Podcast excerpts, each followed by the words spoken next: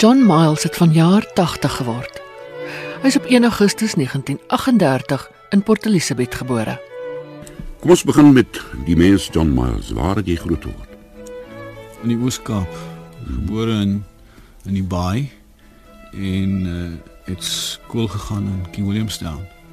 Hmm. Tot so net voor my matriekjaar toe uh, ons Transvaal toe is en ek het toe my matriek in in die Transvaalse platteland uh, behaal en toe daarna na Universiteit Pretoria toe. En wat studeer jy toe? Nie 'n gewone BA. Hmm. Uh, ek het so 'n bietjie rondgeval, bietjie baie rondgeval. En uh Afrikaans uh, was nie een van my uh hoofvakke nie. Dis eers nadat ek uh afgestudeer het en besig was met 'n MA in sosiologie dat ek 'n hmm. belangstelling uh gekry het vir die Afrikaanse letterkunde. Hmm. Die drang om te skryf het in sy studente daar begin. Wel, kom ons sê by die passie om te wil skryf. Dit is seker maar 'n bietjie romantiek. Ek onthou uh, ek was reeds nagraadse student toe ek 'n motorfiets gehad.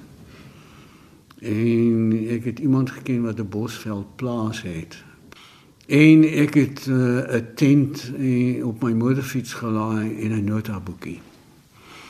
Ek wou begin skryf in die beste plek is alleen in die veld.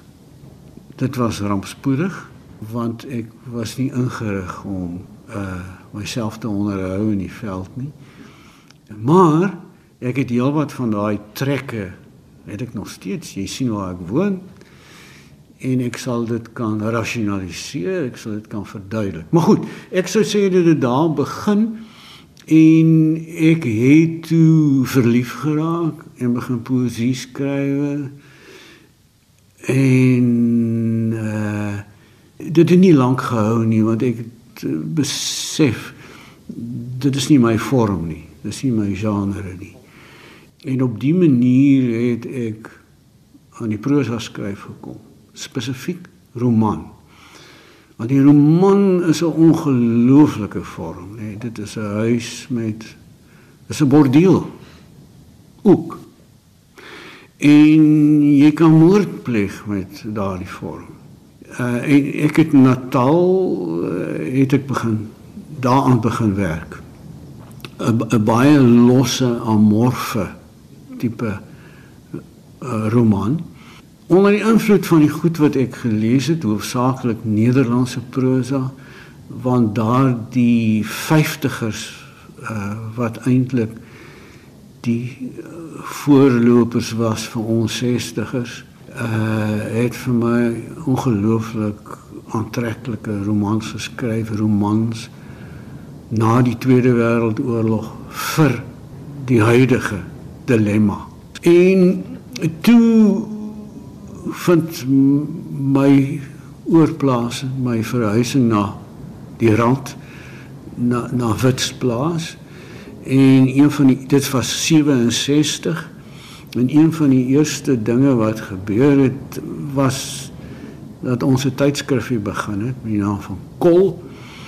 En ek het toe want ons was natuurlik het bestaan uit 60er skrywers soos Chris Barnard, Bartu Smit en ons het ons eie werk ook uh daaraan voorkeur gegee 'n mondstuk van destyds.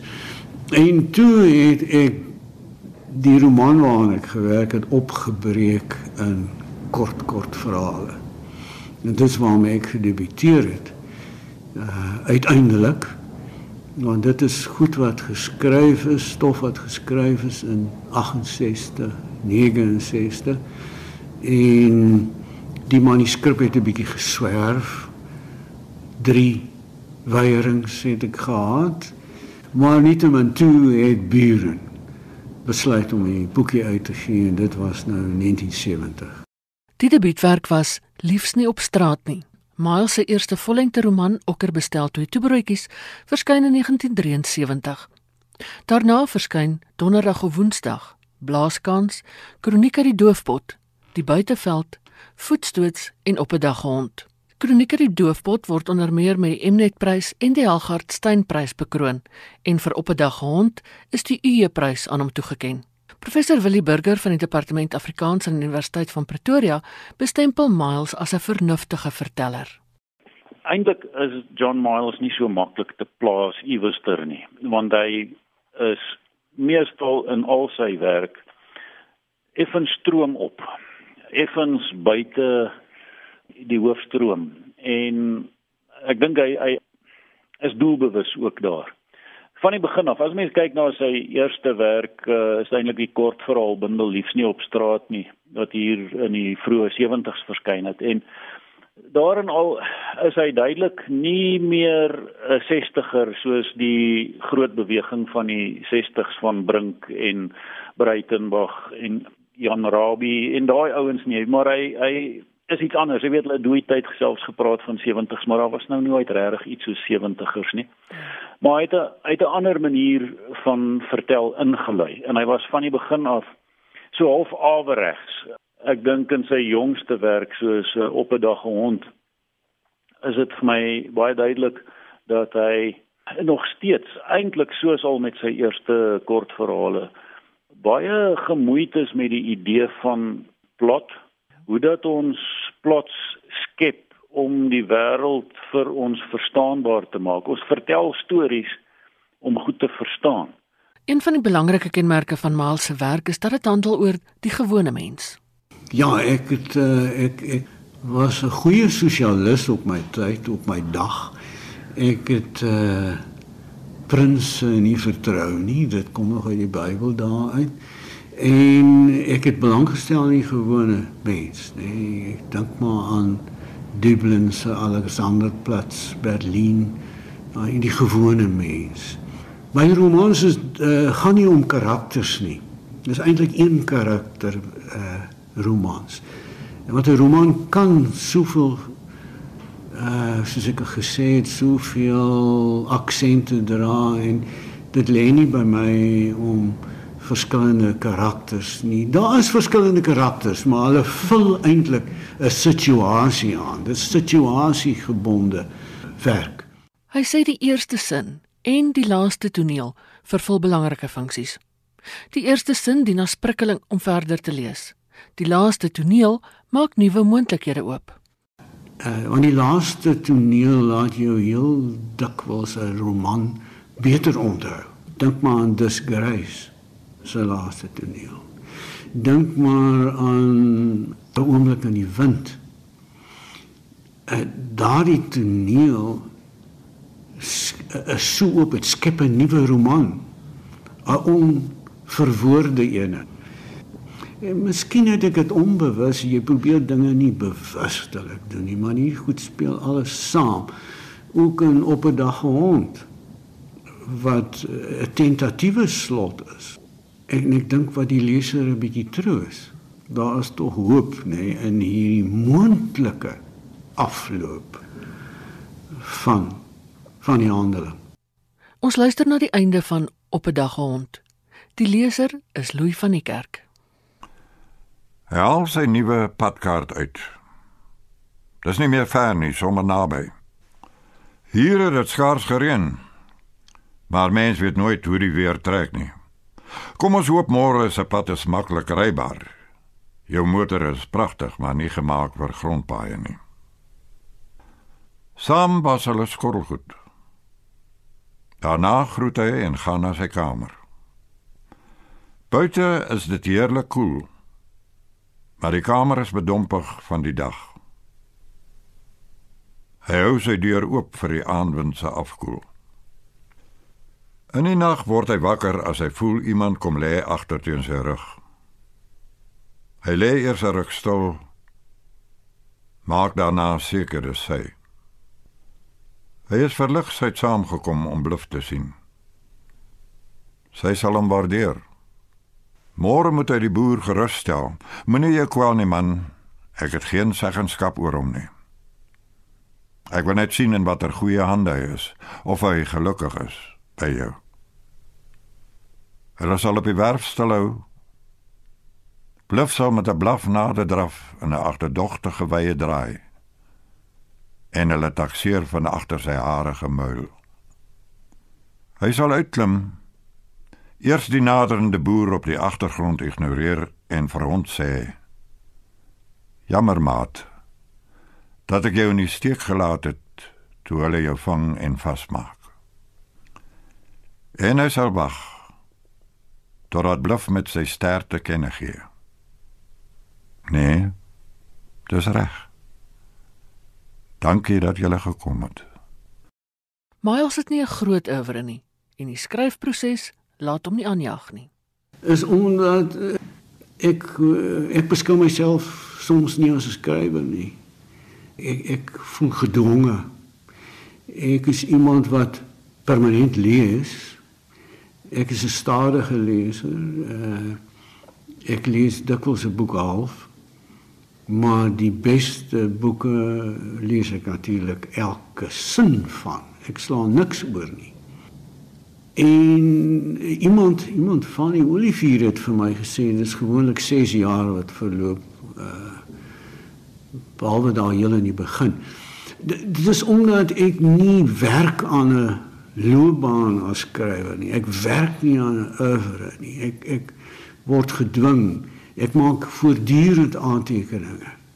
En ek werk nie 'n roman uit nie soos wat kom ons sê iemand vir wie ek baie agting het, Chris Barnard as skrywer, as stilus. Uh, sal byvoorbeeld ek weet hy het so gewerk maar dit dit is 'n erkende ding dat hier het ek 'n situasie ek gaan nege hoofstukke hê en hierdie hoofstuk doen ek dit ensovoorts ensovoorts ensovoorts en dan rond ek die roman so af. Ek sou nie sê hy het al sy romans so geskryf nie, maar ek weet hy het so te werk gegaan in baie gevalle. Ek doen dit nie. Ek begin gewoonlik met 'n roman, byvoorbeeld Kroniek uit die Doofpot. Uh die hoofstuk waarmee ek begin het, het later die derde of die vierde hoofstuk geword want ek is besig daarmee dan dink ek nee hier moet iets vooraf kom en elke keer dan werk ek terug omdat ek in daardie geval doelbewus lesers wou werf. Ek wou tegemoet kom. En baie van my ander werk uh, wil ek soms mense vervreem. As ek 'n leser kan my lesers kan uitdun in die begin. Hoekom En, en hier is miskien omdat ek bang is. Ek weet nie, ek ek spekuleer nou. Ek is miskien bang hulle gaan die ding dwarsdeur lees en dink dis nie die moeite werd nie, dis 'n swak roman ensovoorts. Nee, eh, met kroniek uit die doofpot het ek inderdaad so teruggewerk tot ek my vorm gevind het. En miskien het ek in die verlede 'n bietjie skaam daaroor gevoel dat ek so te werk gaan. Ek het byvoorbeeld uh, onthou ek uh, toe ek een keer met iemand in 'n gesprek was met 'n letterkundige op 'n verhoog oor uh, op 'n dag gehond het ek uh, gesê maar ek het nader aan so baie aantekeninge gehad dat ek op 'n dag gekyk het maar wat kan ek hiermee maak? En toe dit in 'n romanvorm gegiet het. Nou goed, dit is 'n vorm van oordrywing. Nee, dit is nie heeltemal waar nie. Maar ek het nou onlangs uh, David Atwell se 'n uh, boek gelees oor Jem Kutsie. En dit is verstommend om te sien hoe Kutsie, 'n skrywer wat ek baie bewonder, hoe Kutsie gewroeg het om die adequate, om die regte, die geskikte vorm te kry ek ek bewonder hom so omdat hy so gestroopte styl het. Ek sou dit ook graag wou doen. Ek weet nie of ek dit doen nie. Want uh, as die ding jou eers pak, dan gaan jy voort en jy probeer uh, gestroop wees, maar jy word verlei nê. Deur allerlei hebbelikhede wat jy het. En nou ja, uh, ek het ook ek het baie ver gevorder met op 'n dag gehond byvoorbeeld tot ek gedink het maar miskien moet ek dit aan 'n uitgewer voorlê want toevallig het ek goeie vriende onder die uitgewers en ek is uh, by herhaaldelik deur Alida Potgieter wat 'n goeie uitgewer is uh, gevra het jy nie iets nie wat is in jou laai? ensovoorts en toe was ek so ver gevorder dat ek hulle net op 'n dag laat weet het wanneer is die saktyd vir verjaar ek dink Miles word heeltemal onderskat soos ek net nou gesê het ek dink die een rede daarvoor is doodgewoon dat sy werk dikwels nie tendensieus is nie, nie aansluit by by wat al die ander ouens besig is om te doen nie. Hy hy sou half uh, in die buiteveld ja. om nou maar sy eie titel te gebruik, misbruik. Ek dink die mense kan nou sê die oeuvre is nie baie groot nie, maar ek meen dit is daar 'n hele paar boeke. Daar verloop telkens baie lank tyd tussen sy boeke se verskyning. Dit is so.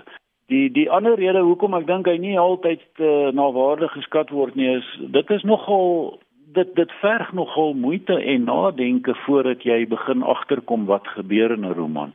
Dit is nie eenvoudig nie. Dit wil vir my tog lyk of hierdie laaste drie boeke, die buiteveld, eh, voetstoots en op 'n dag gehond heelwat meer toeganklik is as iets soos byvoorbeeld Donderdag of Woensdag en ehm um, daai boeke uit ja. uit die uit die 70s.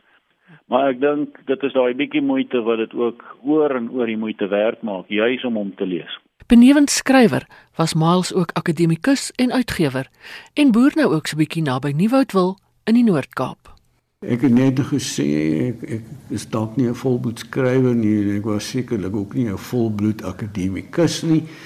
Ek het nie uh, juis iets op my kerfstok nie maar ek het probeer om 'n goeie onderwyser te wees. Ek het pligsgetrou my werk as onderwyser gedoen. Ek het aanvanklik begin in die taalkunde.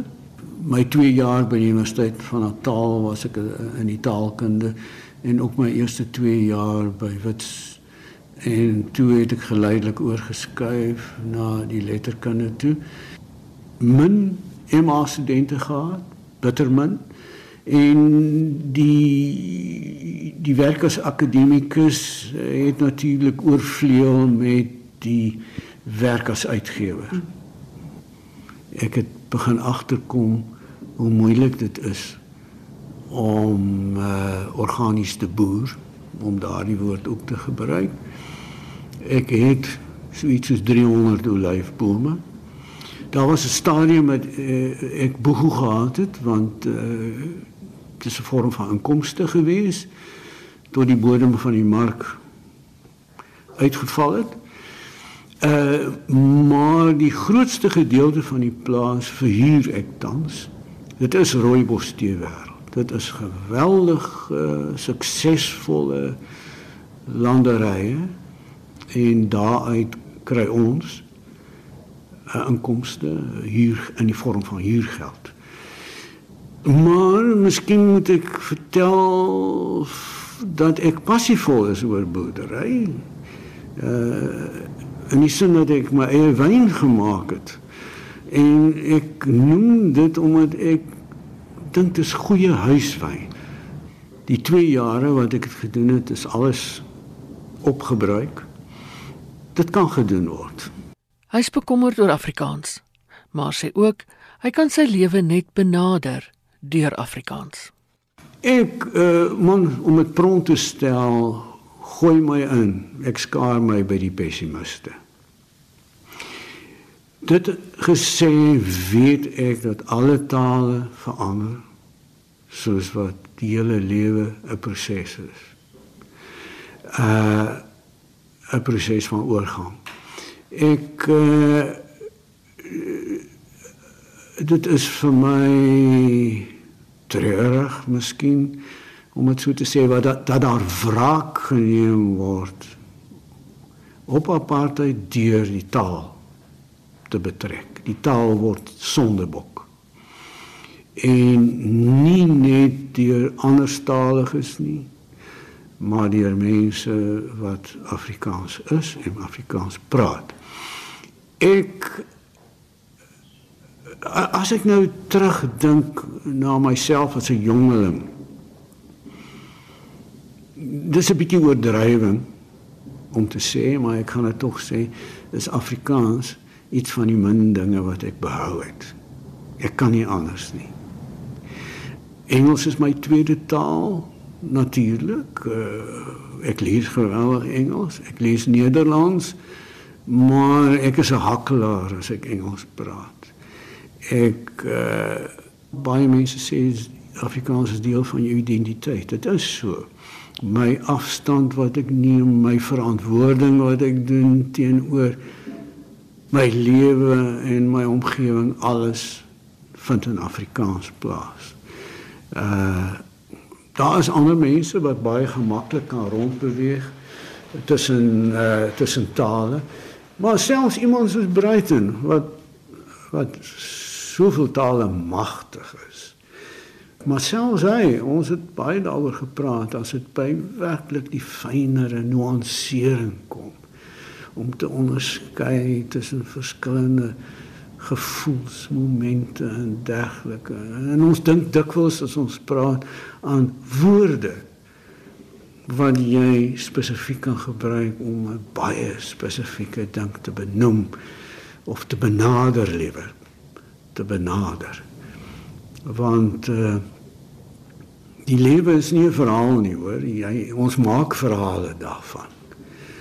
Dit uh die lewe is chaos of 'n orde wat ons nie kan pyl nie. Maar ons maak ons probeer dit benader. Nou ek benader dit. Ek kan dit net benader deur Afrikaans. Die bril waardeur Miles na die wêreld kyk, beklemtoon verantwoordelikheid, afstand en onderskeidingsvermoë. Maar ek moet dit ook weer kwalifiseer. Ek was natuurlik aangegryp deur Marcus Aurelius uh se meditasies uh, sy manier van uh, afstand neem van homself ook in sy leefwyse dis natuurlik nie sonder ironie nie nê nee. iemand wat nie keiser wou wees nie en toe gesorg het dat daar 'n mede-keiser is maar die hele ironie van sy seun wat hom opgevolg het en sy vrou wat seker nie sy lewensbenadering simpatiek teenoor was nie. Dit kan ander name wees. In, my jonger dae sou ek gepraat het van die eksistensialisme.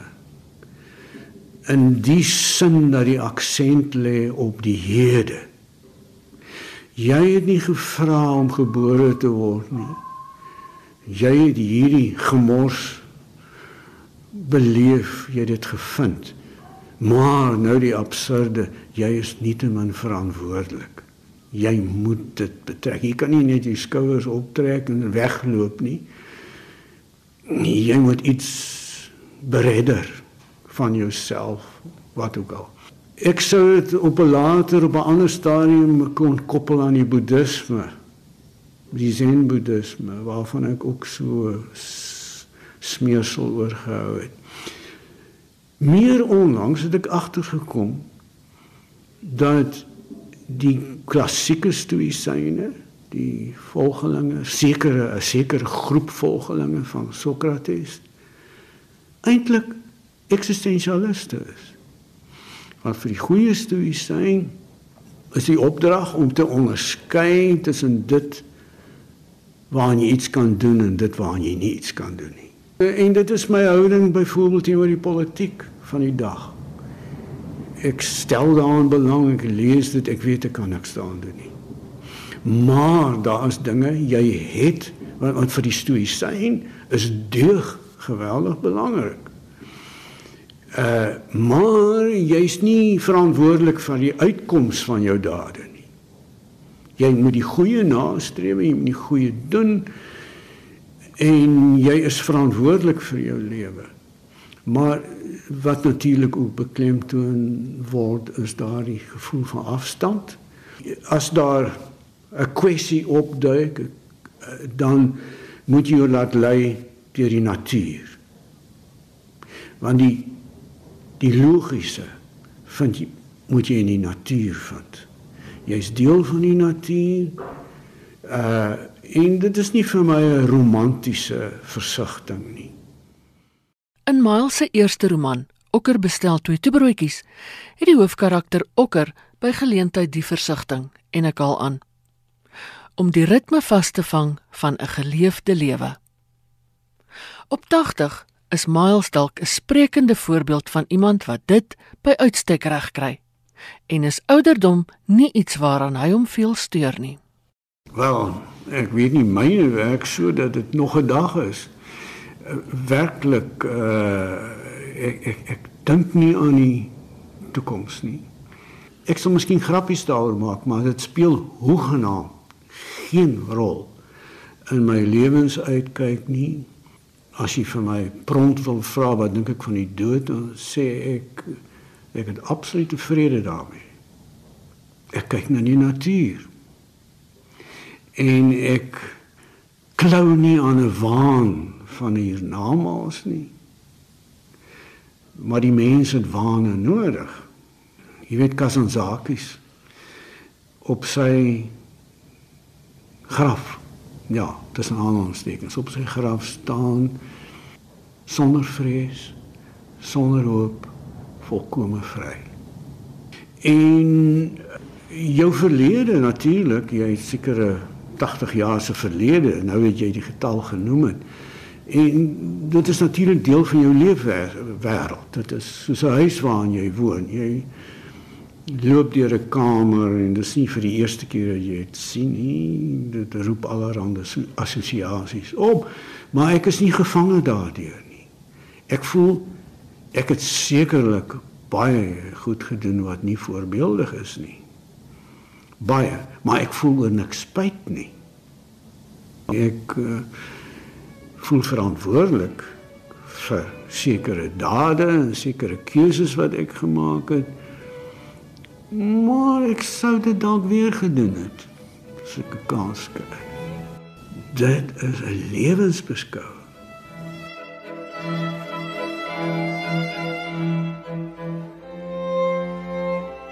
Behalwe dat ek uh, volgende jaar weer wil wyn maak.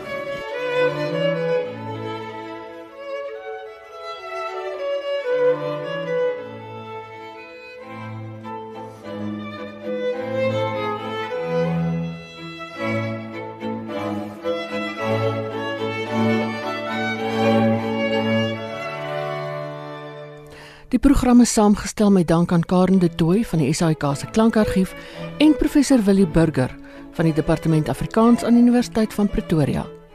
Die samesteller en aanbieder was Ina Strydom.